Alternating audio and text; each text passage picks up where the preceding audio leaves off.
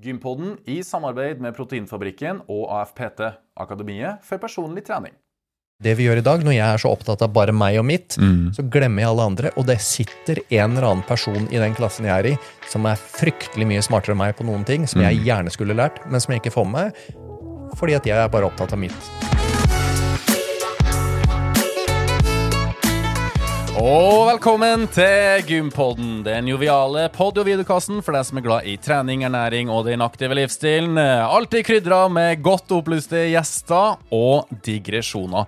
Vi har tatt turen til Fredrikstad i kontorene til dagens gjest, eller firmaet til dagens gjest, da, nemlig AFPT, eller Akademiet for personlig trening. Til våre nye lyttere så er Gympodden en pod- og videokast med ulike timer hver gang. Dagens episode er ja, hva skal vi kalle det? En liten spesialepisode hvor vi snakker spesifikt om ett emne med alle de digresjonene som kommer til å, å komme. Eh, navnet mitt er Lasse Matberg. Jeg er den ene halvdelen som utgjør da duoen Gympodden. Eh, den andre halvdelen er Fredrik By. Og Fredrik By. Har du vært på gymmet i det siste? Du er en god stim på gymmet nå. Har uh, hatt noen fantastiske økter de siste ukene. Det har jeg. Ja, det har jeg. Ok, ta oss gjennom dem. Nei, det er fullkroppsøkter, da, så det går i det. Du elsker fullkropp, du. Ja, jeg gjør det. Ja. Så jeg er blitt veldig glad i frontbøy, for eksempel. Hei! Ja, har min nye favoritt. Og så rumenske markløft liker jeg veldig godt nå. Ja vel? Ja, ja, ja. Overkroppen, da? Blir overkroppen misunnelig på underkroppen, eller? For nå er det munnekropper, ser jeg. Jeg roer ned litt på overkroppen. Hey! så- Men jeg syns T-skjorta sitter stramt på deg. Ja, jeg har på litt trang i dag, da, siden vi har med oss eh, dagens gjest her. OK! For apropos trang T-skjorte. Nei, jeg har. Enn du? Uh, ja, det har vært eh, på gym i det siste, ja. Uh, hadde crossfit-inspirert økt i går. I dag Du, vet ikke hva? Klokka er tolv, og jeg har 10 000 skritt i banken allerede. Wow. Gikk fra Nydalen opp til Grefsenkollen i dag tidlig. Wow, for en fin tur. Kjempebra. Ja, i shorts og singlet. Ikke ofte skjer det meg singlet, men eh, hadde vært på Grefsenkollen i dag tidlig. Det var ei, ei, ei. veldig nydelig. Som alltid så har vi jo ulike tema, Det har vi. og i dag er temaet Fremtidens PT, eller Fremtidens personlig trener. Ja. Og vi har jo fått en ny fremtidig personlig trenerstjerne her. Du, vi har fått to! Ja, det har vi.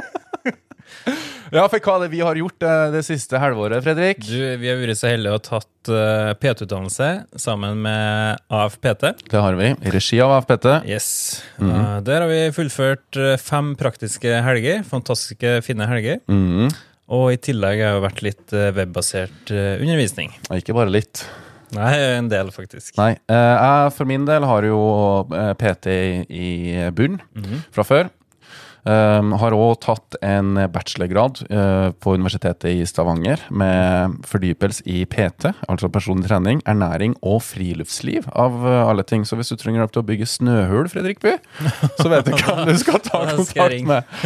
Man tenker kanskje at det er lett å være en god PT, men min påstand er at det er et fag som krever litt tid for å bli god i. Eh, og vi har jo med dagens gjest, som kanskje kan ta oss litt med på PT-reisa. Uh, han starta AFPT i 2004. Nå sitter vi her i 2023. Um, han har òg tatt på seg oppgaven om å løfte PT-utdannelser i Sverige til nye høyder. Og med det ønsker vi hjertelig velkommen til Espen Arntzen! Tusen takk! Tusen takk. Takk for sist. Du har vært på poden før, Espen. Det har jeg, det var hyggelig. Eh, har du trent siden sist? Det har jeg absolutt. Det gjør jeg um, relativt mye. Og um, jeg tror vel, med unntak av en liten periode som jeg lå på sykehuset for noen år siden, så Ja. har jeg vel aldri i mitt liv gått en uke uten trening, tror jeg. Nei. Så det er nok ganske regelmessig. Fire-fem dager med styrke og et par dager med kondisjonstrening, fordi det skal være bra for hjertet. Ja, okay. Hva gjorde du aller sist? Det siste jeg gjorde, det var i dag. Da var det en økt på vårt eh, heldigvis vårt hjemmebygde treningssenter. Jeg har jo ikke satt mine bein på et kommersielt treningssenter, bortsett fra én gang siden 2023. Oi. Nei, siden uh, mars 2020, Ja. eh, når korona kom. Da Ja. bygde vi et uh, treningsrom i hagen som vi hadde drømt om i ti år. Og Tenkte at nå var tida inne. Så uh, i dag så har jeg vært og hatt litt skuldre og litt rygg. eh, og trener egentlig fire-fem dager i uka på styrketrening der inne. Helt for meg selv. Spiller Metallica og Oi, livet er veldig stas. Ikke Ja, dårlig. Men da, da er korte, korte økter, eller? Nei, vet du hva, de blir, eh, de blir rundt en time. Jeg koser meg egentlig der Ah, inne, som sånn på egen hånd. Og det syns jeg er ganske deilig. Det er ikke så mange tider i løpet av en hektisk hverdag som jeg har tid inne i eget hode. Mm. Så når jeg kan sette på Metallica eller Rammstein og et eller annet og gå der helt aleine og gjøre akkurat hva jeg vil uten å bry meg om verken tid eller selskap eller noe, Ja. så har jeg min lille frisone i løpet av dagen. Så det syns jeg er veldig godt. Hektisk hverdag, flere unger, eh, kone, masse jobb og mange ting som skjer. Så det er bare sånn det er. Så da Nothing trenger jeg litt sånn pusterom inni. Nothing else matters. Ja, veldig treffende. Veldig. Eh, en liten digresjon, et spørsmål i forhold til det. Hva tenker du om dem som på tar med seg telefonen inn og sitter på telefonen mellom settene sine, og som er på trening, men samtidig kanskje ikke er på trening? Hvis du skjønner hva jeg mener? Ja, jeg skjønner hva du mener. Og det er, det er nok eh, Det kommer litt an på, fordi det kommer an på hva du bruker telefonen til. Ja. Noen- Nei, jeg logger settene mine. Ja, men det er det, det er det noen som gjør i dag. Ja, det er det. Uten tvil. Så til de som logger settene sine, så er det selvfølgelig en måte å gjøre det på. Ja. Eh, til de som eh, bruker den til alt mulig annet, så er det Jeg tror, jeg syns jo i dag at vi er ekstremt dårlige på å være til stede på ett sted. Så det vi gjør er at vi tar disse ti repetisjonene i bicepskøll, eller hva det nå er for noe, og så kan jeg ikke vente på å gå ut på et sosialt medie og se hva som har skjedd i løpet av de tolv sekundene som jeg har tatt min serie. Og da, da er jeg sånn, men har du da virkelig vært til stede? Rekker du å nyte noen ting? Eh, Så det er liksom det ene aspektet i det. At ja, noen loggfører, og da kan du kanskje ha litt sånn frisone i forhold til det. Men jeg tenker jo at generelt sett så bør folk være litt mer til stede. Og et aspekt som vi ikke tenker på i dag, det er at når mange legger ut disse filmene som de gjør av både seg selv og som liksom skal være av sin egen trening, Ja. så står det en eller annen person i bakgrunnen som kanskje ikke har så vinnmari lyst til å være på den filmen i det hele tatt, men du ender opp i et sosialt medie. Og når man ender opp i et sosialt medie, så finnes det dessverre utallige eksempler på at man, noen blir hengt ut fordi at se på han eller hun som står i bakgrunnen der og gjør den teite øvelsen, så blir man gjort til hån, og man vet ikke engang om det. Så det personvernet i dag, det syns jeg er eh, blir virkelig nedprioritert, og det syns jeg er litt synd. Det syns jeg folk flest skal tenke litt på. Og så er det jo litt synd at du ikke kan gå rundt på treningssenteret i dag da, uten å liksom måtte snike deg rundt som du var en sånn liten ninja for å komme rundt alle disse, eller hvor er det telefonene står hen. Og hvis du da er så dum og tar en benk, da, der står det to telefoner, og noen har jo til og med seg kamera på senteret og filmer mens de trener. Vel og bra, men kanskje ikke for den personen som har lyst til å være der aleine og ikke synes overalt. Det var et veldig langt svar på et godt spørsmål. Fredrik, Det eh, var dagens første digresjon. Fredrik, tar du med deg telefonen og sitter og trykker på den mens du trener? Jeg husker du sa eh, for noen episoder tilbake at uh, prøv å legge fra telefonen og sånn, så jeg har faktisk begynt med det. Ja, og hvordan kjennes det ut? Ja, Det kjennes veldig bra ut. Så det jeg gjør, er så tar med, jeg tar den med selvfølgelig inn, og sånn, Ja. og så uh, finner jeg den sangen jeg vil høre på. Hører du sang eller pod når du trener? Mest musikk. Ja, samme her. mest musikk. Mhm. Så finner jeg en liste, og så vet jeg at ok, nå kommer liksom fem-seks sanger på rad her, så liksom mm, Mhm. Nå trenger ikke jeg å liksom inn og justere da, på musikken. da. Nei. Så hovedsakelig justerer jeg på sangene, men jeg sjekker ikke noe annet, faktisk. Bra. Så jeg legger den fra meg, og så kikker jeg litt på andre folk, og kanskje Nik nikker litt. nikke, Og, skape relasjoner, er litt sunne relasjoner på treningssenteret. Ja. Spotte! og så kommer faktisk noen bort og liksom Hei, kul podkast. Hei! Ja, Nei, har det skjedd? Ja, ja, ja. Så vi har en liten eh, nordlandstrompet som ønsker å ha med en eh, Bodø-Glimt-spiller, så det må vi Hei! notere oss Kanskje vi må ta oss en tur til Bodø? Bodø. Men tilbake til Fredrikstad og det som skjer rundt herre bordet. Ja. Hva skal vi snakke om i dag? Jo, det var Fremtidens PT. Jeg og Lasse har jo fått tatt eh, PT-utdanninga. Fantastisk profesjonelt eh, opplegg, det må jeg si. Kjempefine forelesere. Ja. Jeg var heldig å ha Stian Larsen. Ja. Stian, da, eh, han er en ordentlig gutt. Veldig fin fyr. Der er det ikke så mye som er overlatt til tilfeldighetene. Han er en stjerne, virkelig. Han er, det, vi støter på, Nå har vi holdt på i 19 år, og vi støter på mennesker Mange har jo vært med helt siden dag én, og noen har vært med i ti år. Eh, Stian er en av de nyeste, sånn som, og det er alltid det er innmari vanskelig å komme inn i en kultur med så flinke mennesker. Ja. Men når Stian kom inn, så er det sånn vet han løfter bare et snap opp. Så han er bare hakk eh, på det aller meste. Han er Ja. ordentlig, det er ordentlig hyggelig å ha godt forberedte mennesker med. Ja, og fortvil ikke, folkens. Eh, Dere skal bli bedre kjent med Stian i en annen episode, for han har vi avtalt en liten innspilling med. Yes. Ja. Så bare å glede seg. Bare glede seg. Men eh, tilbake til dagens tema, fremtidens PT. Altså Det har jo helt sikkert vært en forandring helt siden 2004, når du starta, og fram til i dag. Hva er den største forandringen, føler du, på det spennet? Vet du hva, Hvis man spoler tilbake helt til uh... Ja, men kortversjon. jeg, jeg ble jo PT i 91. Det Ja, så det er- Så det, det er dit jeg vil gå. Da var det Ja. jo, Den gang så fikk du jo tilsendt noen uh, bøker i posten. Ja. Og så gjorde du noen oppgaver, og så sendte du det inn, og så ble du PT. Det er litt sånn båtførerbevis i dag, Ja, føler jeg. sånn. Ja, men nesten. Uh, og så har du jo da sakte, men sikkert, og før det så var det jo sånn at hvis du hadde store biceps, og hvis du så ut som Lasse, så kunne du bare kjøpe en T-skjorte og skrive personlig trener på ryggen, og så fikk du egentlig kunder. Det var Ja, ingen sånn nemlig. Kvalitetskrav på det i det hele tatt. Og så har det suksessivt med årene stramma seg inn litt. Grann. Mm. Når vi starta i 2004, så var det ganske få aktører på det norske markedet. Da var det egentlig Norges idrettshøgskole som var den eneste, som alltid har levert eh, god kvalitet, og er jo et eh, akademisk nettverk som er eh, kjempebra. Så de hadde gode utdannelser. Så Norge har vært i en sånn setting hvor det alltid har vært ganske høy kvalitet på utdannelsen, til forskjell fra en del andre land. Så fra da tidlig 2000-tall, de siste 20 årene, så har det vært relativt høy kvalitet fra dag én. Men den kvaliteten har hele tiden blitt stramma inn. Det har blitt høyere og høyere og høyere krav. Og tilbake i 2016 så kom det jo da en liten sånn kommisjon som så på dette, kalte det kompetanseløftet, så vi må løfte enda et hakk. Så ble det løfta opp enda et hakk, og så har da bransjen da lagt noen føringer underveis som gjør at man må da i dag, i de store kjedene, så må du ha et studie som tilsvarer en årsenhet. Det vil si tilsvarer da et helårsstudie på skole. Og det syns jeg er innmari bra, fordi at da kan du være helt sikker på at du får dekka inn de ulike sakene. Og grunnen til at jeg syns det er bra at den kvalitetssikringen har kommet, er at den kundemassen som kjøpte PT tilbake på tidlig 2000-tall, det var relativt godt trente mennesker som ønska å bli bedre trent. Ja. Det var færre utfordringer for den kundemassen. Ja. Den kundemassen i dag, det kan være Gunnar på 59, eller Gro på 68, eller Espen på 51, som har knekt hofta, eller hatt nylig hjerteinfarkt, eller er overvektig, eller har diabetes, som er en helt annen type utfordringer som ligger til grunn. Da må man naturligvis kunne mer.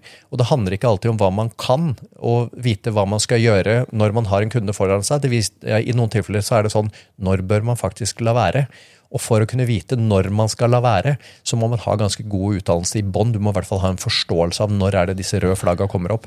Så i takt med at kundemassen har endra seg, så er det også en god ting at disse kvalitetskravene endrer seg. Så det har vært en ganske markant endring i dette. Når vi starta, så var utdanningen vår totalt sett på 110 timer. Det var totalt sett. I dag er den på 1000. Og det er bare PT-utdannelsen. Og så har du en årsenhet som er da 17, 18, eller et sted mellom 16 og 1800 timer. Så i dag den har jo liksom tidobla seg, 15-dobla seg fra da eh, 2004 til i dag. Så det har vært ganske stor endring på det. Heldigvis, og selvfølgelig til frustrasjon for noen. Men den framover, da? Framover så håper jeg Nå er det jo store krefter i gang for å kvalitetssikre dette markedet bedre. Og det er på ene siden eller eh, Det er et sånn todelt svar på det. På ene siden kjempebra, fordi det er viktig å få fram hvor mye en PT faktisk kan. Nå har dere vært igjennom dette her. Veldig mange som går inn på studiet, som kanskje har en, noen form for medisinsk utdannelse fra før. Enten du er lege, vi har jo leger som går hos oss, fysioterapeuter, naprapater, ernæringsfysiologer, sykepleiere osv., som kommer og sier 'oi, det var mye mer enn jeg trodde'. Så det er viktig å ha en god utdannelse for at vi skal få noen form for troverdighet inn mot den medisinske sektoren, som sier at vi kan faktisk jobben vår ganske godt. Så det er på ene siden. På den andre siden så er det ikke sånn at en lengre utdannelse, bare fordi at den blir lengre, betyr at den potensielle studenten blir en bedre PT. Nei. Fordi at man skal forlenge en utdannelse når det er reelle behov for å forlenge en utdannelse. Man skal ikke forlenge en utdannelse fordi at vi kan forlenge en utdannelse. Amen. Så i mitt hode så er det sånn at vi, har, vi må ta hensyn til både den demografien, dvs. Si hvordan disse kundene faktisk eh, posisjonerer seg på dette hierarkiet i forhold til behov. Og i bunnen så har du noen av disse menneskene som da er relativt godt trent, har lav helserisiko, de er kanskje sunne og friske, de er godt trente fra før, vil bli litt sprekere. Bruk eksempelet da på en fotballspiller på 22 som ønsker å bli en bedre fotballspiller. Ok, Men han eller hun har da kanskje et lavere risikomoment knytta til seg. Så der trenger du kanskje ikke den aller høyeste kompetansen på alt det som er knytta til livsstilsplager. Og så har du de menneskene som kanskje begynner å kjenne litt på vet du, nå har jeg noen vondter her og der, jeg begynner å bli voksen, jeg har lagt på meg litt ekstra, vært litt inaktiv over tid. Jeg har lyst til å leke med barnebarna mine. Nettopp, Har ikke de store problemstillingene, men har litt mer problemer enn da denne personen på 22. Ja, Der må vi ha et høyere kompetansenivå. For at da må du forstå ok, hva betyr disse tingene når vedkommende kommer med vondt i hofta, eller de har lagt på seg 10 kilo og blodtrykket har gått litt opp og jeg er ikke helt 100 får litt vondt i knærne og lager litt pappalyder når de går opp og ned av gulvet. Hva betyr det faktisk? Ja, nå må du selvfølgelig ha en høyere kompetanse. Og så har du på toppen av den stigen så har du de som har en reell problemstilling. Som kommer da med en eh, sykdom av noe slag, eller med en problemstilling som er liksom Dette er det du faktisk lider av. Der må man ha kompetanse. fordi at de menneskene de må ivaretas der hvor de er. Og da må man ha en høyere medisinsk kompetanse. Og for å få da en troverdighet inn mot den medisinske bransjen, så må den være såpass god at en lege, sykepleier eller et annen del av nettverket faktisk tror på at du som PT kan jobben din. Så du har litt sånn gradering i forhold til dette også. Det er imot, det er at man skal si det er sånn der, litt sånn uh, one piece. One size fits all. Nei, det er ikke helt tilfellet. fordi at tar du min T-skjorte på lasset, så blir den ganske trang. Eh, og det betyr veldig enkelt at selv om den, er- det er samme farge, og alt mulig, men alt passer ikke for alle, så vi kan ikke legge de samme føringene for alle mennesker. Og det er i tillegg sånn at det er ikke alle PT-er som har lyst til å jobbe med de samme kundene heller. Så hvorfor skal man legge krav på en person til å ha en kjempelang, kjempedyr utdannelse, når de egentlig kanskje har lyst til å jobbe med en 22 år gammel fotballspiller som bare ønsker å bli litt bedre i fotball? Så hvorfor skal du legge de kravene? Det synes jeg er litt, det er litt urettferdig, for du ber de om å betale for å legge ned en arbeid for en jobb som de aldri kommer til å få dra nytte av, for det er ikke det som er deres interesseområde. Så bør man kunne skalere disse modellene opp og ned. Så øhm, mange vil bare øke en PT-utdannelse fordi at det er det man liksom skal gjøre, for at det er, det er bra. I teorien ja, men det kommer med et lite sånt uh, anførselstegn. Det kommer helt an på, som er liksom det politisk korrekte svaret. PT, så vidt jeg vet, er fortsatt ikke en beskytta tittel. Verken i Norge eller i våre naboland. Men når du ble personlig trener da, på 90-tallet, fikk du et kvalitetsstempel i hva skal jeg si, bransjen? Eller, eller var bare sånn har han det, så han der har bestilt seg T-skjorte og trykt på noe greier sjøl. Ja, det, det var nesten sånn, fordi at det, det å nå er, nå er treningsbransjen en ganske Det er en liten subkultur. Det er det. Eh, det må, så ærlig må man være. Vi er, Ja, vi er ja. minoriteten. Vi kan si Vi er 5,5 millioner mennesker i Norge. Ca. en million er på treningssentre. Ja. Så det betyr at 80% er ikke på treningssentre. Så vi er fortsatt en subkultur. Spoler du tilbake til 19, 1991, så var det enda færre. De som da var på treningssenter, det var de som ville ha store biceps, og vi gikk rundt i disse gamle bolebuksene.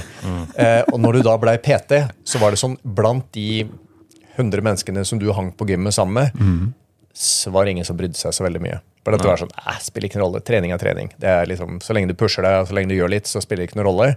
Men det var litt viktig for ens eget ego. fordi at det å legge ned masse tid på treningssenter, det tenker jeg er noe av det som er grunnen i dag. òg. Eller samme argumentet har jeg i dag. Det å legge ned masse tid på treningssenter, som mange mennesker i dag gjør, og ikke vite hvorfor du ikke får de resultatene du ønsker. Eller du får resultater, men du aner ikke hvorfor. Det, må jo være, det er jo frustrerende, og det her forund, ikke forundrer meg. Jeg blir litt lei meg på andres vegne når jeg i noen tilfeller går rundt på treningssenter og ser Men hvorfor i all verden gjør du det du gjør? Ja, det, Og så og så er, er de ikke i stand til å evaluere Nei. det de faktisk gjør. For de har sett en eller annen person på sosialt medie, eller en person som er veltrent, som ser ut som dere. Veltrente, spreke unge menn som tar en øvelse. Og så er det sånn, de gjør den, og de ser sånn ut. Ja, da gjør jeg den også. Men jeg er ikke i stand til å evaluere og kaste bort så mye tid. Og tid er så fryktelig verdifullt. Det er det eneste du aldri får igjen. Eller at den tida du investerer, den må du se til at men få mest mulig igjen for den tida. Og vite hvordan du bruker den. Og Det er vel kanskje det som er den store frustrasjonen. Og det var jo grunnen den gang til at jeg hadde lyst til å bli PT. For jeg hadde lyst til å vite hvorfor. Hvorfor får jeg ikke resultater, eller hvorfor får jeg resultater, og hvordan kan jeg hjelpe andre til å få det? Ja, men du, er, du er jo et eksempel. Du er jo en sosial mediepersonlighet. Jeg er jo helt sikker på at når du legger ut noen av de øktene du gjør, så er det noen som ser de øktene og sier den vil jeg også gjøre. Hvis Lasse gjør den, så må det være en bra økt. Og det er jo på ene siden både velsignelsen og forbannelsen i at man er en person som folk men mennesker ser på. Og man skal være det ansvaret ganske bevisst også, og jeg tenker at det er ganske mange mennesker som kanskje ikke ta hensyn til det, det ansvaret som de egentlig har. Og det syns jeg er litt synd, og det er litt respektløst kanskje mot de menneskene som sitter der. og for det er, det er ikke alt som passer for alle. Nei. Tenker du mye på det sjøl? Uh, ja, men min vei til rom, da, for å bruke det uttrykket, er jo at jeg liker jo å slå et slag for allsidigheten. Uh, jeg har laga ei treningsbok om det, Gi jernet, uh, som reflekterer litt eh, måten jeg trener på. Uh, det er alt fra hjemmetrening, uh, styrketrening, crossfit-trening. Men det verste som, som er for kroppen, er stillesitting. Eh, vet du hva, det er det også. Um, så jeg, er ikke, jeg er aldri redd for å prøve noe nytt. Uh, Frisbeegolf, padel.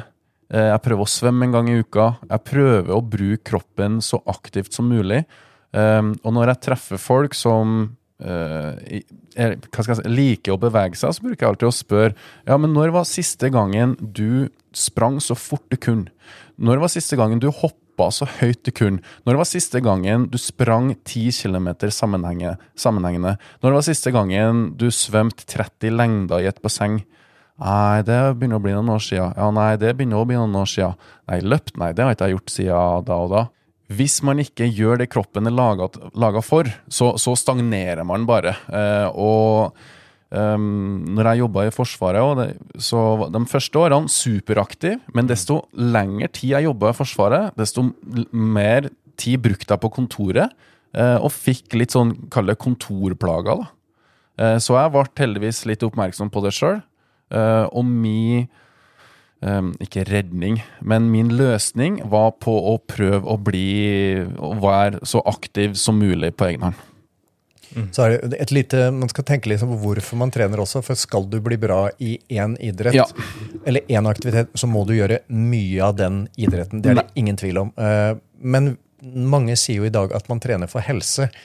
Og da tenker jeg at man må ha et lite perspektiv. Hvis du kan ta 250 kilo i markløft, Ja. men du ikke klarer å gå opp en trapp uten å puste og pese, Ja. så er ikke det helse. Du er sterk i markløft, men det er ikke helse. Samtidig er det sånn at hvis du kan løpe 10 km på 45 minutter, Ja. men du ikke kan løfte 40 kilo fra bakken uten å få vondt i ryggen, Nei. det er heller ikke helse. Så hvis man da skal liksom se på helse, så må du jo dyrke alle de kvalitetene som man har som menneske, som handler om å svømme og bevegelighet og Ja. løping og både fort og langsomt. Det å hoppe, det å rulle.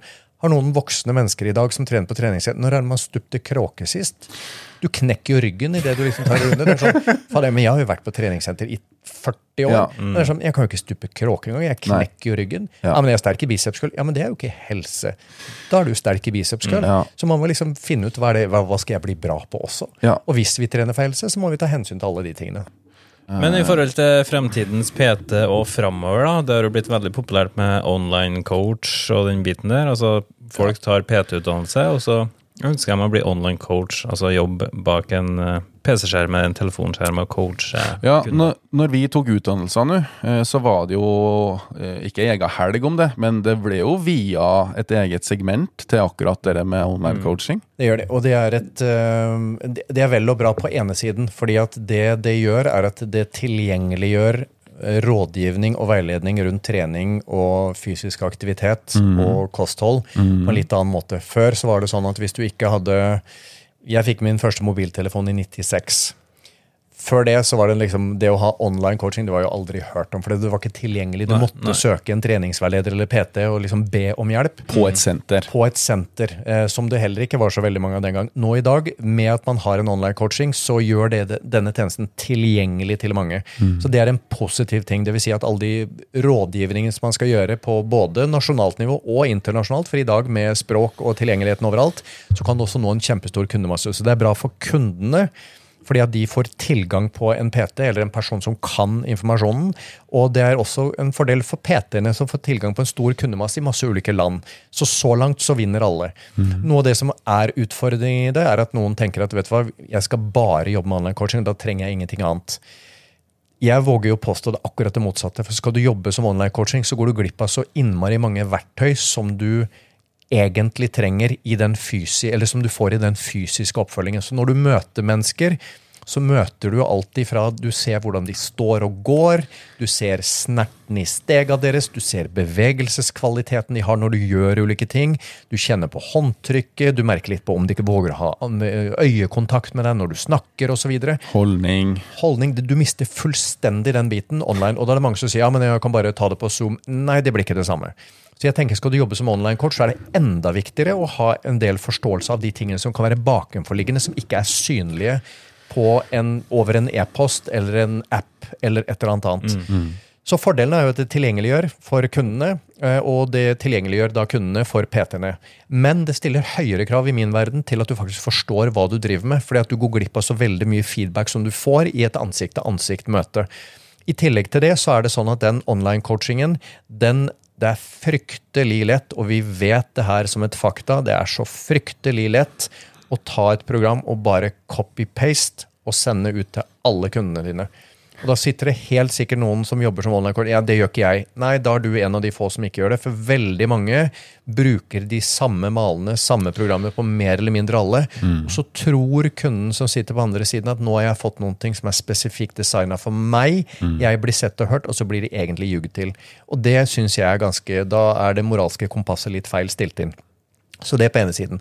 Når det er sagt, så har du også fantastiske online-coach som virkelig tilpasser dette til deg som person. Mm. Men det krever mer jobb. Eh, og det krever mer anstrengelse fra PT-en. Og i noen tilfeller så krever det det at en kunde må betale mer. Som er en helt naturlig ting. at Når en person legger ned større innsats, så får de ofte mer betalt. Mm. Og det er det ikke så mange som er villige til å gjøre. For man tenker ja, men online det er online, det er en enkel jobb. Ja, men De online-coachene som jeg kjenner som virkelig gjør en god jobb på det, de koster flust med penger. Mm. Og du betaler for en tjeneste hvor de faktisk legger ned sjela si at du skal få resultater av dette her. Og der hvor man ofte går på billigsalg, så ender du ofte opp med programmer som egentlig blir sendt ut til 100 mennesker med sånn cirka den samme problemstillingen, og så gidder man ikke å ta hensyn til det. Så det er så mange nyanser i akkurat dette som man ikke liksom har klart å se på enn så lenge. I tillegg, så, og det her er min store frustrasjon, det her gjør jo at jeg høres ut som jeg er født når dinosaurene levde, men jeg syns at vi mister evnen til å kommunisere med mennesker på menneskebasis. Mm. Ja. Nå går det på en SMS eller Snapchat eller Instagram eller TikTok eller på en e-post, mm. og vi vil ikke ha den menneskekontakten. Og da blir vi skikkelig dårlige på det, for jeg tror en av de verdiene som man har som PT, det er at det individet som faktisk velger å bruke sine dyrekjøpte penger på deg mm. og sier at vet du hva, jeg får det ikke til på egen hånd, jeg er villig til å betale deg, kan du være så snill å hjelpe meg? De føler seg mye mer sett og hørt hvis du faktisk har muligheten til å virkelig levere et godt produkt til dem. Mm. Men da avhenger det av at du må bygge tillit. Og tillit det bygges ikke over en e-post. Det bygges i en sosial interaksjon. Hvor du drikker en kopp kaffe eller te eller Snåsavann, mm. og så skravler du sammen, og så får du en helt annen type connection og får ut informasjon som yes. du vanligvis ikke får. Mm. Og da kan du tilrettelegge for dette på best mulig måte. Så jeg sitter med, dessverre med en liten sånn følelse av at mange ser på online coaching som en skikkelig enkel vei til å tjene penger. Og jeg tror dette er som å pisse i buksa for å holde seg varm. Det funker en stund, og så kommer konsekvensene. For det kommer noen online coacher som er skikkelig gode på det de gjør, og da vil du tape selv om du er billigst. Mm.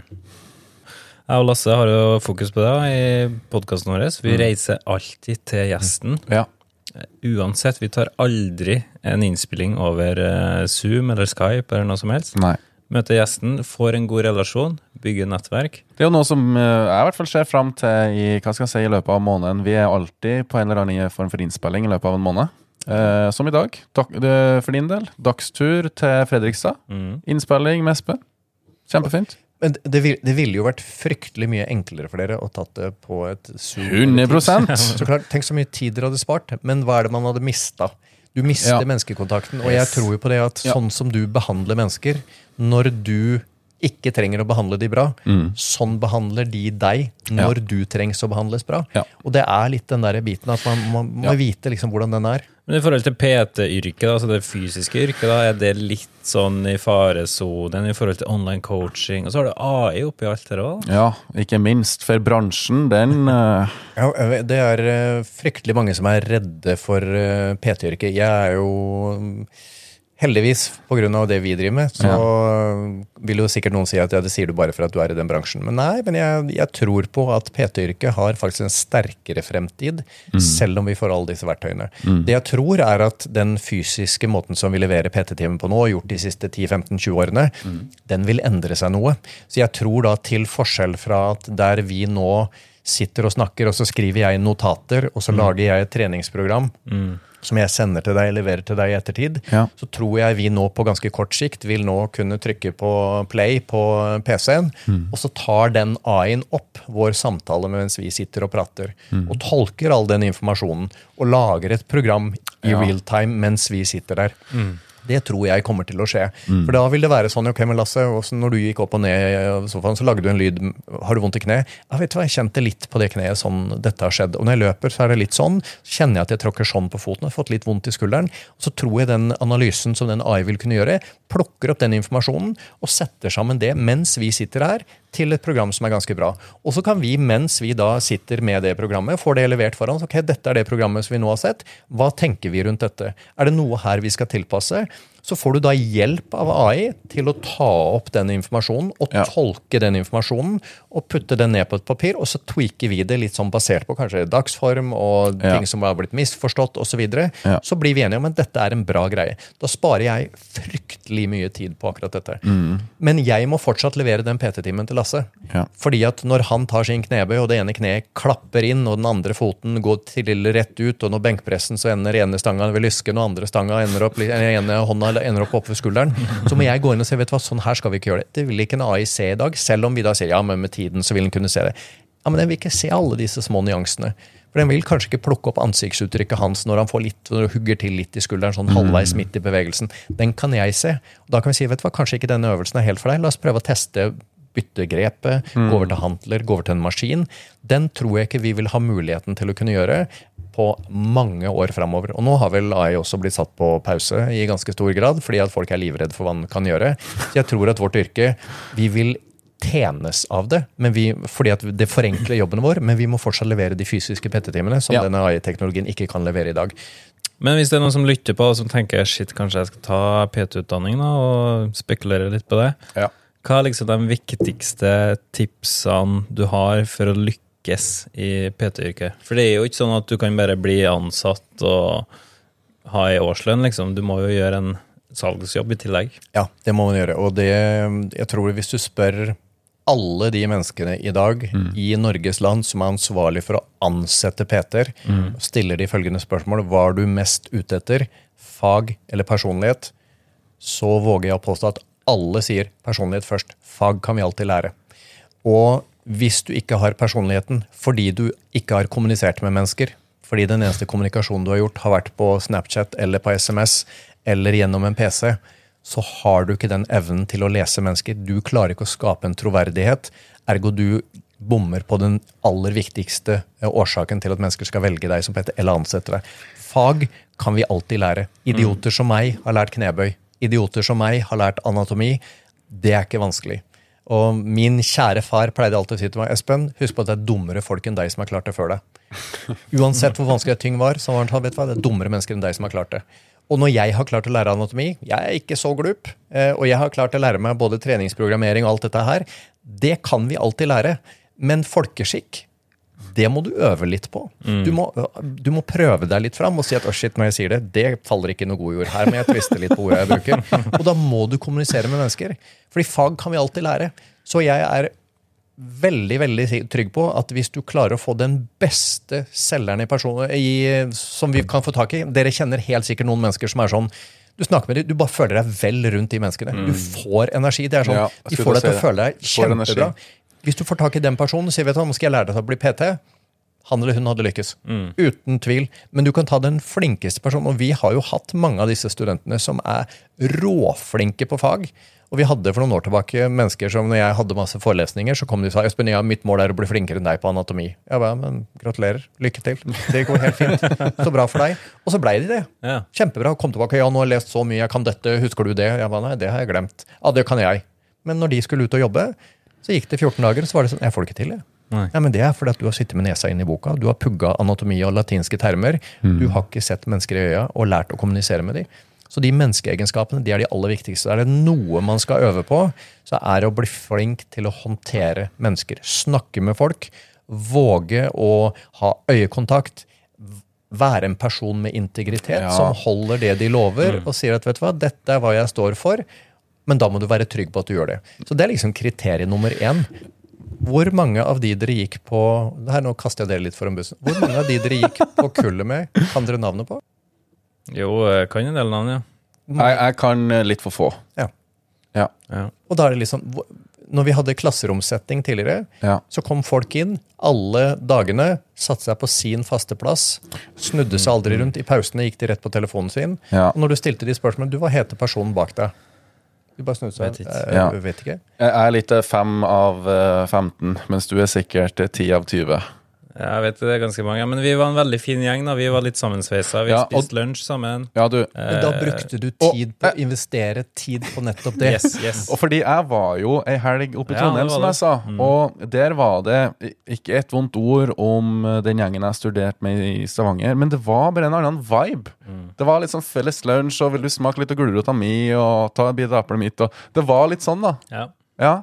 ja, det var det faktisk. Vi, ha- vi hadde en eh, eh, ja, mange år tilbake, en av de første gangene vi var i Bergen for noen år tilbake, ja. så var det en så fantastisk sammensveisa helg. Da var jeg så heldig, jeg hadde, jeg hadde de to første anatomihelgene. Så helg nummer én så var jeg der og merka at det her er noe spesielt med denne gjengen her. Helg nummer to når jeg kom tilbake igjen, så hadde alle lik T-skjorte. Så De Vi hadde gått til innkjøp av like T-skjorter, Ja. alle sammen. Og de tok med meg ut på lunsj og sa vet du hva, blåser i om du skal ligge på hotell, for jeg var jo dritsliten etter å liksom stå og ha monolog i 20 timer. Ja, ja. De var sånn, vet du hva, du skal henge med oss, vi skal ut og drikke øl. Jeg er jo ikke noe glad i øl i tillegg, men da husker jeg gikk vi på Peppers Pizza og drakk øl. Verdens hyggeligste igjen. Karakterene på det, det er det beste kullet vi noensinne har hatt. Og det er fordi de, de løfta hverandre opp, Yes. for der den ene var svak, så var den andre sterk, og de klarte å gjøre dette her, og brukte tid på hverandre, og hadde en fantastisk sammensveis. Men det er fordi at de investerte tiden i å faktisk henge med hverandre. Det vi gjør i dag, når jeg er så opptatt av bare meg og mitt, så glemmer jeg alle andre, og det sitter en eller annen person i den klassen jeg er i, som er fryktelig mye smartere enn meg på noen ting, som jeg gjerne skulle lært, men som jeg ikke får med meg, fordi at jeg er bare opptatt av mitt. Og da, er jo, da, da mister du hele den biten, og jeg tror jo på at liksom, interaksjonen mellom mennesker det blir jo én pluss én blir jo tre. da. Men det får man jo aldri. Nei. Ja, men jeg er veldig glad at du ser det der med personlige egenskaper, hvor viktig det er. da. Ja. For det er noe jeg formidler sjøl. Jeg er så heldig å ha foredrag til film-TV-studentene på Universitetet i Levanger hvert eneste år. Og da er første viktigste punktet det er personlige egenskaper. Vær en hyggelig fyr. Vær ydmyk. Ikke kom inn som en verdensmester etter at du er ferdigutdanna, vær ydmyk og vær hyggelig. Det er oppskrifta på at eh, du får deg et godt nettverk og flere jobber. Jeg tror PT er jo som å, det er som å få førerkort. Du tror jo når du er 18 år og får førerkortet, så tenker du nå kan jeg kjøre bil. Yes. Nei, du kan jo ikke kjøre bil i det hele tatt. Du er jo livsfarlig. Ja. Eneste liksom folk sier at vet du hva, nå tror vi akkurat nok på deg til at du ikke tar livet av folk i trafikken. Mm. Skal du få lov til å øve på egen hånd. Og det er jo det det egentlig er. Så når du får et PT-diplom i sånne tilfeller, det er da du virkelig går ut og lærer. Når du ikke har noen som står over deg og sier nei, Espen, nå gjør du noe feil, dette var riktig, dette var bra. Men når du står der helt på egne bein, da er det jo man lærer. Det er jo det som er den kule reisa. Yes. Det er jo da den hockeykurven liksom kommer i forhold til hvordan læringskurven er. Mhm. Det er jo det spennende, og det er der man ofte glemmer. Man tror at man er liksom utdanna PT, da kan jeg alt. Nei, det er da du begynner å lære. Ja, det, Yes. Nei, Det er nok eh, det viktigste. Jeg er helt enig i. Er det andre ting som eh, man bør ha med seg i bagasjen? Ja, det er jo at uh, hvis du i dag jobber på et treningssenter som har bemanning, så er alle andre på senteret din beste salgskanal. Eh, og det som ofte blir sånn nedprioritert, det er den smilende gutten eller jenta som står i resepsjonen. Fordi den personen ser alle. Den ser alle kunder som kommer inn, den ser alle kunder som går, den ser alle PT-er, den ser alle instruktører. Så det å ha en, være en trivelig person til den personen, som faktisk er nøkkelen på senteret, det er en viktig ting. Vi som PT-er tror Ofte nå kan det være at noen blir litt sånn tråkka på tærne, men det får vi tåle. det tåler vi. Vi tror at vi er så jækla viktige. Vi er egentlig blant de minst viktige. De viktigste menneskene på et treningssenter, det er resepsjonistene, og det er de som vasker. De som går rundt i kulissene, som du aldri legger merke til. Men de som tusler rundt og ser på alle og er på hils på alle, det er de viktigste. Det er nettverksbyggerne. Vi som får lov til å være stjerner på vår lille arena, vi er ikke så viktige. For at vi møter mye færre mennesker. Så skal man være smart og lykkes som PT, så er det de menneskene du skal være. Hvem på senteret er det som er den som treffer flest folk, og som ser flest folk, og som flest mennesker liker? Det er den personen som du skal bruke tid og investere sammen med. Fordi han eller hun vil være din aller beste salgskanal. For det kommer det inn en kunde som sier vet du hva, jeg kunne godt tenke meg PT, da skal du gå til Fredrik. Eller da skal du gå til Lasse, for at de er hyggelige folk. Og vi selger jo på anbefaling på mennesker vi liker. Vi gjør jo heller, sender jo heller business til mennesker som du liker, enn mennesker du ikke liker. Det er en helt naturlig ting. Vi tar jo vare på de menneskene vi liker. Ja, ja. Så de to tingene, menneskelige egenskaper, lær deg det. Lær deg å håndtere folk, og finne ut hvem som er det viktigste på ditt senter. Og Så kan det godt være at kanskje du ikke har et bemanna senter, men da fins det kanskje en annen person der, en kunde, eller en eller annen person, som er den hyggeligste fyren eller dama som alle snakker med, som gjør at alle føler seg bra. Han eller hun må du bruke tid sammen med. Ja. Begynn, å, de- begynn å trene med den ja, men, ja, men, nettopp, men de kommer til å begynne å anbefale deg, for at du er bare en hyggelig fyr eller dame. og Det er kjempeviktig. Igjen, det kommer ned på menneskelige relasjoner. Og så er det neste tipset, det er jo da se til at du våger å gå bort til folk. Fordi at jobben vår er ikke bare å ta imot kunder når de kommer og sier her er 500 kroner, kan du trene meg? Jobben vår er å veilede og hjelpe mennesker. Og den beste måten å veilede og hjelpe mennesker på, det er å gi først. Og dette er jo litt i forhold til en sånn markedsføringsgreier. Du kan enten pushe dine tjenester, eller så kan du gi noen ting gratis. Så hvis noen gjør et eller annet som du ser, vet du hva, det der kunne du gjort bedre, så er det lov å gå bort og si vet du hva, jeg ser at du jobber ganske hardt for dette her. Kan jeg komme med et par tips? Jeg har sett, og sett på deg fra siden i forhold til hvordan du gjør disse tingene. Kan jeg komme med et par tips som du kanskje ikke har tenkt på? Og hvis du har tenkt på det, så er det ikke meningen å liksom tråkke inn på ditt felt, men dette er hva jeg har sett. Og da vil mennesker se at vet du hva, det virker som han eller hun vet hva de driver med. Og de gir meg informasjon uten at det er noe bakteppe. Det er ikke noen skjult agenda. De har bare lyst til å hjelpe. Neste gang de lurer på et eller annet, så kommer de til deg og sier du, Espen, hvordan var det med dette igjen? Nå har jeg spørsmål rundt det. Og så er det sånn, du, jeg har en kompis, han kunne godt tenke seg å trene. Kunne du tenke deg å hjelpe han også? Og så begynner den ballen sakte, men sikkert å rulle. Men da må du være bekvem nok til å kunne våge å gå fram til mennesker. Og da må du ha det som står på toppen av lista, disse personlige egenskapene. Jeg drev et treningssenter for mange år tilbake. Der var det arbeidsintervjuet vi hadde der, det var sannsynligvis en av de mest brutale som vi kunne ha. okay. Fordi at en av de tingene som var, var at når mennesker kom og hadde da papiret på plass og søkte og skulle komme på et intervju, så lata jeg alltid som jeg var opptatt. Nå er det sikkert noen som kommer til å si ja, du din drittsekk, det husker jeg. Eh, Men da satt jeg alltid og lata som jeg var opptatt, så mitt kontor sto alltid åpen. Jeg jobbet som daglig leder. Jeg sto kontordøra mi alltid oppe, og når de kom inn, så ringte, når, eller når de var på veien, så ringte resepsjonisten inn og sa Espen, nå kommer PT-en inn på ditt kontor. Da putta jeg liksom pluggen i øra, og så lata jeg som jeg satt i telefonen. Og så kommer vedkommende da og liksom banker på døra, og så sier jeg så jeg bare, Vent to sekunder, sa jeg til den som da liksom var i telefonen. Og så sier jeg til du, vet du hva, bare min feil, jeg er to minutter for seint ute. Jeg må bare avslutte den telefonsamtalen. Mens du venter, kan ikke du gå ut i treningssenteret, og så snakker du med fem medlemmer. Og så finner du ut hvorfor de trener her, hva de heter, hva vi kan gjøre bedre. Og da var det noen som sa ja, kult, dritkult, det gjør jeg. Jeg kommer tilbake. Og så kom de tilbake med 15 navn. Kunne, nav kunne navnet på hund, og hvor de bodde, og hva de gjorde, hva de jobba med osv. Og, så videre. og så hadde andre mennesker som var sånn «Eh, Mener du nå? Ja, ikke sant? For det er to Jeg, jeg, jeg er jo ikke forberedt. Hva skal jeg si? Og der var arbeidsintervjuet klart. For hvem av de tror dere jeg ville valgt? Ja, Naturligvis den første, som var outgoing, som hadde disse sosiale egenskapene, som turte å snakke med mennesker. Det betyr ikke at den andre personen ikke kunne lykkes, men det var en mye mye tøffere jobb å få de til å lykkes. Og så har du noen som bare tar alt dette her på stående fot og kommer tilbake med en liste, og som har blitt bedt på grillfest. Det, er jo ikke tull. Det er jo de du vil ha. Det er, de, det er bare sånn, vet du hva, deg vil jeg ha. Det er sånn, ok, men Nå håper jeg du kan det du kan. La oss liksom ta en runde. Og Det er jo de mennesker, det er jo de egenskapene du er ute etter. For Knebø kan alltid lære mennesker. Anatomi, det er les lenge nok, så lærer alle til sist. Noen lærer med en gang, noen trenger lengre tid. Men de egenskapene der, de, enten så har du de, eller så må du øve skikkelig bra på de. Og da kommer du til å lykkes som PT, for da vil mennesker bare henge med deg, for at du får de til å føle seg bra. Ja, det er en artig måte å gjøre det på. Altså. Ja. var, Og her er en sann historie. Det er en sann historie. Den var ikke eh, alltid like populær. Eh, men det, det er jo én ting, og det er jo for å kjenne av ganske tidlig. Grunnen til at den var såpass tøff, var at vi hadde ikke råd til å ansette feil mennesker. Nei. For det Nei. å ansette feil mennesker og vise at oi, etter en måned at dette var feil, det kosta for mye penger og ressurser. Vi hadde ikke penger. Vi hadde vi tapte penger så det rant ut av kassa, så det var helt krise. Så vi hadde ikke muligheten til å bomme, da tenkte vi hvordan kan vi se til at vi øker sannsynligheten for å lykkes. Da var det én av elementene.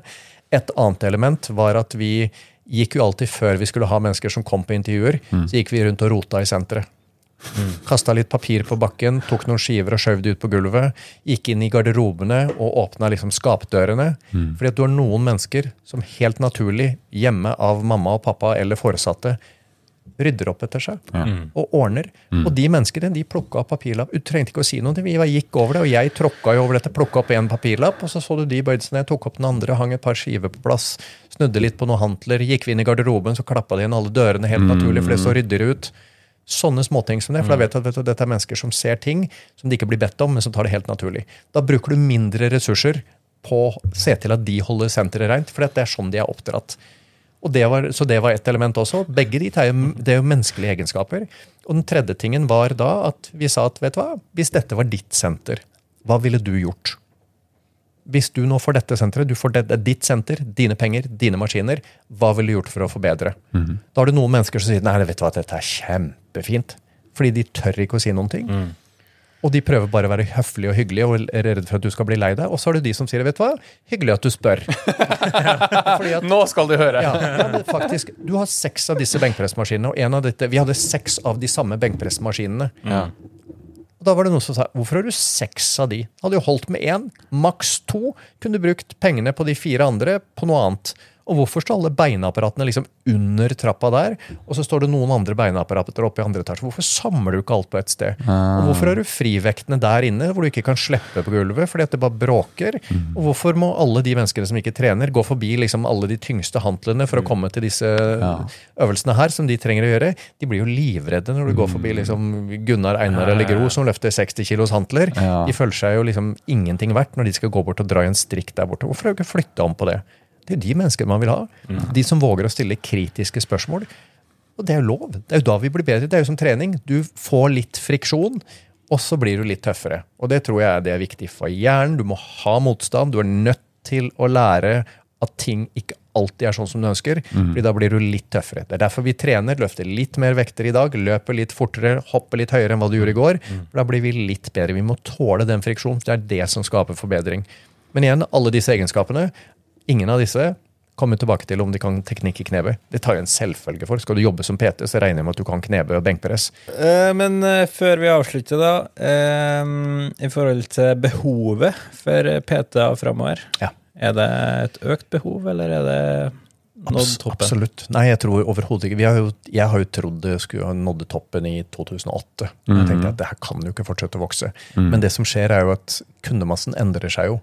Og grunnen til at jeg trodde det, er jo på ene siden så er jeg litt sånn småskrudd. Jeg er litt paranoid. Jeg tror at alt går til helvete alltid. Eh, Så jeg prøver jo å være forberedt på det. Så i 2008, når det hadde gått bra, og 2009 hadde gått bra, tenker jeg at det her er siste året det går bra. Eh, Og det er jo basert på historien og den kundemassen vi hadde. Så 2004, 5, 6, 7, 8 så var jo kundene til PT-ene det var relativt godt trente mennesker som ønska å bli litt bedre trent. Og de er det jo en begrensa mengde av. Og da tenkte jeg at vet du, her må det jo være stopp. Men det som skjedde, var jo at kundemassen endra seg. Ja. Plutselig fikk du mennesker som da sa at vet du, jeg skal bare begynne å trene. Jeg. Eh, og trenger bare litt hjelp for å komme i gang. Ja, men Da hadde du ny kundemasse. Ja, men Da fikk du ny vekst. Og så fikk du mennesker som Og nå har vi blitt såpass overvektige alle sammen at nå må vi begynne liksom å gjøre noen ting med det. Ja, Da fikk du ny vekst. Og så har du noen nå som får gavekort av kona eller av mannen. Ny kundemasse. Og så får du da plutselig yngre utøvere som kanskje skal prestere i idrett.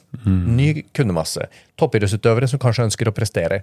Enda mer livsstilsplager trenger å prestere. Syv av ti i Norge i dag er ikke aktive nok. Og selv om det her høres fryktelig usexy ut, som PT, vi er ingenting annet enn gymlærere for voksne. Vi er aktivitetsledere. Vi skal få noen mennesker til å gjøre noe mer enn hva de gjør i dag. Noen vil bli sterkere i benkpress. Fint for de. Noen vil bli bedre i crossfit. Men de aller fleste mennesker må bare få rumpa opp av sofaen og får det ikke helt til på egen hånd, fordi at de klarer ikke å finne motivasjon eller vet ikke hvor de skal begynne. Og da er vi aktivitetsledere. Så PT i dag er ikke lenger inne på treningssenteret ved en treningsbenk og bicepscull. PT i dag kan være å gå ski med noen. Det kan være å ta en gåtur med staver, eller trene i parken, eller online coaching, eller toppidrett, eller et eller annet. Den kundemassen er helt utømmelig, og da tror jeg at kundemassen i Norge i dag, den er Kutter vekk alle under eh, 16 år, så har du alle fra 16 år oppover. Fra 16 til 116. Det er kundemassen vår. Hva kan det være? 4,5 million? Skulle jeg vel gjette på. Så det skal mye til før vi når det taket. Nå er vel omsetningen i PT i dag rundt 500 millioner. Fem, stemmer det 500 og 600 millioner? Har du 4,5 million mennesker som trener med PT en gang i uka, ganger 1000 kroner eller 500 kroner, så har du et helt annet tall enn den omsetningen vi har i dag. Så du kan mangedoble den. Så jeg tror ikke det kommer til nærheten av å være stopp ennå. Kult. Ja, men da tror jeg vi begynner å nærme oss eh, slutten. Ja. Det gjør vi. Espen, eh, før vi runder av, er det noe du har lyst til å tilføye på tampen? Jeg syns det er veldig hyggelig å få lov til å være gjest, jeg, da. Så jeg syns jo det her er veldig, veldig stas. Så oh. veldig takknemlig for det. Og vi er det også. Du, og vi synes det er kjempefint uh, å få lov til å ta turen til Fredrikstad. Mm. Første gangen vi er på innspilling her. Skal vi ta en is etterpå og kose oss, tenker jeg? Åh, Sol og navle. Verdens god stemning. Og med det så takker jeg ærbødigst av. Takk, kjære lytter, takk, kjære seer, for at du fulgte med oss eh, herre torsdag nå, her er episoden. Fredrik. Tusen takk. Sommeren er jo rett eh, rundt hjørnet, så nå er det bare å glede seg på sol og varme. Og is. Og Espen, takk for praten. Takk til sammen. Tusen takk.